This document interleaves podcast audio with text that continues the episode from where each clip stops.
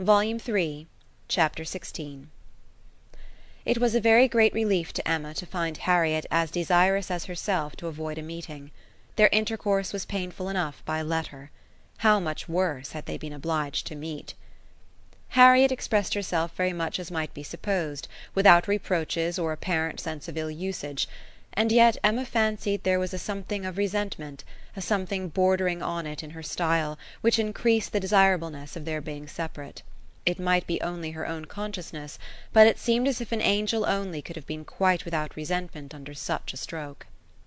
She had no difficulty in procuring Isabella's invitation, and she was fortunate in having a sufficient reason for asking it without resorting to invention. There was a tooth amiss. Harriet really wished, and had wished some time, to consult a dentist. Mrs. John Knightley was delighted to be of use; anything of ill health was a recommendation to her; and though not so fond of a dentist as of a Mr. Wingfield, she was quite eager to have Harriet under her care. When it was thus settled on her sister's side, Emma proposed it to her friend and found her very persuadable. Harriet was to go; she was invited for at least a fortnight; she was to be conveyed in Mr. Woodhouse's carriage; it was all arranged, it was all completed, and Harriet was safe in Brunswick Square. Now Emma could, indeed, enjoy Mr. Knightley's visits; now she could talk and she could listen with true happiness, unchecked by that sense of injustice, of guilt, of something most painful, which had haunted her when remembering how disappointed a heart was near her, how much might at that moment, and at a little distance, be enduring by the feelings which she had led astray herself. The difference of Harriet at Mrs. Goddard's or in London made perhaps an unreasonable difference in Emma's sensations but she could not think of her in London without objects of curiosity and employment which must be averting the past and carrying her out of herself. She would not allow any other anxiety to succeed directly to the place in her mind which Harriet had occupied. There was a communication before her, one which she only could be competent to make, the confession of her engagement to her father; but she would have nothing to do with it at present. She had resolved to defer the disclosure till Mrs. Weston were safe and well. No additional agitation should be thrown at this period among those she loved, and the evil should not act on herself by anticipation before the appointed time. A fortnight at least of leisure and peace of mind, to crown every warmer, but more agitating delight, should be hers. She soon resolved, equally as a duty and a pleasure, to employ half an hour of this holiday of spirits in calling on Miss Fairfax. She ought to go, and she was longing to see her the resemblance of their present situations increasing every other motive of goodwill. It would be a secret satisfaction; but the consciousness of a similarity of prospect would certainly add to the interest with which she should attend to anything Jane might communicate. She went; she had driven once successfully to the door, but had not been into the house since the morning after Box Hill, when poor Jane had been in such distress as had filled her with compassion, though all the worst of her sufferings had been unsuspected. The fear of being still unwelcome determined her, though assured of their being at home, to wait in the passage and send up her name. She heard Patty announcing it, but no such bustle succeeded as poor Miss Bates had before made so happily intelligible. No, she heard nothing but the instant reply of "Beg her to walk up," and a moment afterwards she was met on the stairs by Jane herself, coming eagerly forward, as if no other reception of her were felt sufficient. Emma had never seen her look so well, so lovely, so engaging. There was consciousness, animation, and warmth; there was everything which her countenance or manner could ever have wanted. She came forward with an offered hand, and said in a low but very feeling tone: "This is most kind indeed. Miss Woodhouse, it is impossible for me to express I hope you will believe excuse me for being so entirely without words." Emma was gratified, and would soon have shown no want of words if the sound of Mrs. Elton's voice from the sitting room had not checked her, and made it expedient to compress all her friendly and all her congratulatory sensations into a very very earnest shake of the hand. Mrs. Bates and Mrs. Elton were together; Miss Bates was out, which accounted for the previous tranquillity. Emma could have wished Mrs. Elton elsewhere, but she was in a humour to have patience with everybody and as Mrs. Elton met her with unusual graciousness she hoped the rencontre would do them no harm. She soon believed herself to penetrate Mrs. Elton's thoughts, and understand why she was, like herself, in happy spirits: it was being in Miss Fairfax's confidence, and fancying herself acquainted with what was still a secret to other people. Emma saw symptoms of it immediately in the expression of her face, and while paying her own compliments to Mrs. Bates, and appearing to attend to the good old lady's replies, she saw her with a sort of anxious parade of mystery fold up a letter which she had apparently been reading aloud to Miss Fairfax, and return it into the purple and gold reticule by her side, saying, with significant nods, "We can finish this some other time, you know. You and I shall not want opportunities. And in fact you have heard all the essential already. I only wanted to prove to you that Mrs. S. admits our apology, and is not offended. You see how delightfully she writes. Oh, she is a sweet creature! You would have doted on her had you gone. But not a word more. Let us be discreet, quite on our good behaviour. Hush! you remember those lines. I forget the poem at this moment. For when a lady's in the case, You know all other things give place. Now I say, my dear, in our case, for lady read hmm, Ma'am, a word to the wise. I am in a fine flow of spirits, a'n't I? But I want to set your heart at ease as to Mrs. S. My representation, you see, has quite appeased her. And again, on Emma's merely turning her head to look at Mrs. Bates's knitting, she added in half a whisper, I mention no names, you will observe. Oh no! cautious as a minister of state, I managed it extremely well." Emma could not doubt. It was a palpable display, repeated on every possible occasion. When they had all talked a little while in harmony of the weather and Mrs. Weston, she found herself abruptly addressed with "Do not you think, Miss Woodhouse, our saucy little friend here is charmingly recovered? Do not you think her cure does Perry the highest credit?" Here was a side glance of great meaning at Jane. "Upon my word, Perry has restored her in a wonderful short time. Oh, if you had seen her as I did when she was at the worst!" and when Mrs. Bates was saying something to Emma, whispered further. We do not say a word of any assistance that Perry might have, not a word of a certain young physician from Windsor. Oh no, Perry shall have all the credit. "I have scarce had the pleasure of seeing you, Miss Woodhouse," she shortly afterwards began, "since the party to Box Hill; very pleasant party; but yet I think there was something wanting. Things did not seem that is, there seemed a little cloud upon the spirits of some. So it appeared to me at least, but I might be mistaken. However, I think it answered so far as to tempt one to go again. What say you both to our collecting the same party and exploring to Box Hill again, while the fine weather lasts? It must be the same party, you know, quite the same party, not one exception." Soon after this Miss Bates came in, and Emma could not help being diverted by the perplexity of her first answer to herself, resulting, she supposed, from doubt of what might be said, and impatience to say everything. "Thank you, dear Miss Woodhouse, you are all kindness. It is impossible to say. Yes, indeed, I quite understand.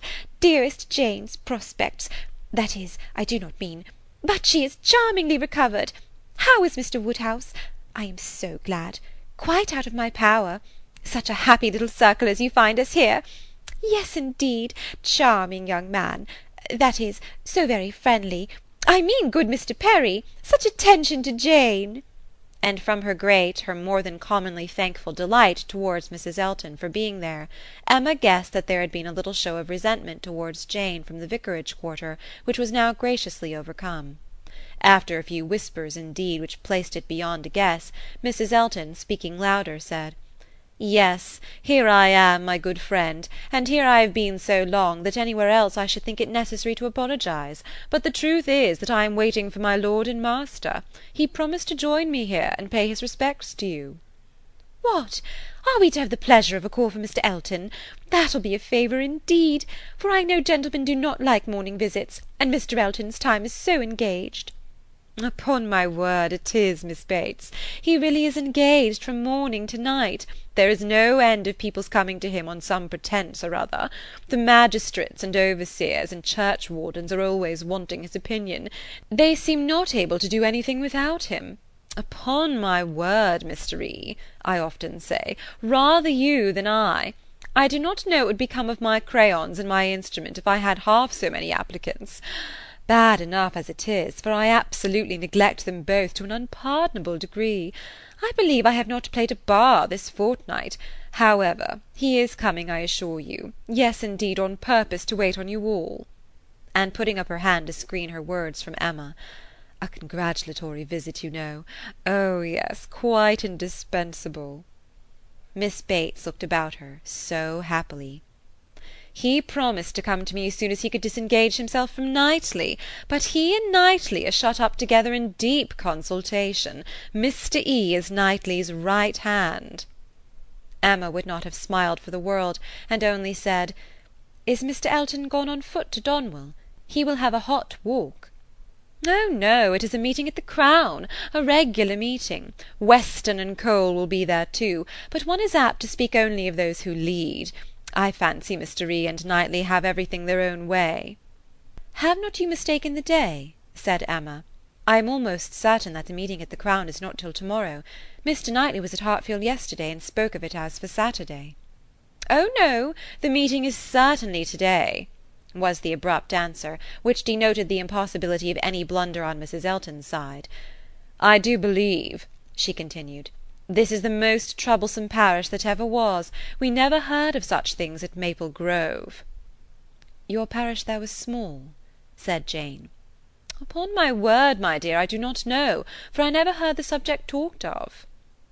"But it is proved by the smallness of the school, which I have heard you speak of, as under the patronage of your sister and Mrs. Bragg; the only school, and not more than five and twenty children. "Ah, you clever creature, that's very true. What a thinking brain you have! I say, Jane, what a perfect character you and I should make if we could be shaken together. My liveliness and your solidity would produce perfection. Not that I presume to insinuate, however, that some people may not think you perfection already. But hush, not a word, if you please." It seemed an unnecessary caution. Jane was wanting to give her words not to Mrs. Elton, but to Miss Woodhouse, as the latter plainly saw. The wish of distinguishing her, as far as civility permitted, was very evident, though it could not often proceed beyond a look. Mr. Elton made his appearance. His lady greeted him with some of her sparkling vivacity. "Very pretty, sir, upon my word, to send me on here to be an encumbrance to my friends, so long before you vouchsafe to come. But you knew what a dutiful creature you had to deal with. You knew I should not stir till my lord and master appeared. Here have I been sitting this hour, giving these young ladies a sample of true conjugal obedience; for who can say, you know, how soon it may be wanted?" Mr. Elton was so hot and tired that all this wit seemed thrown away. His civilities to the other ladies must be paid, but his subsequent object was to lament over himself for the heat he was suffering, and the walk he had had for nothing. "When I got to Donwell," said he, "Knightley could not be found. Very odd, very unaccountable, after the note I sent him this morning, and the message he returned, that he should certainly be at home till one." "Donwell!" cried his wife. "My dear Mr. E., you have not been to Donwell. You mean the Crown. You come from the meeting at the Crown." "No, no, that's to morrow, and I particularly wanted to see Knightley to day on that very account. Such a dreadful broiling morning.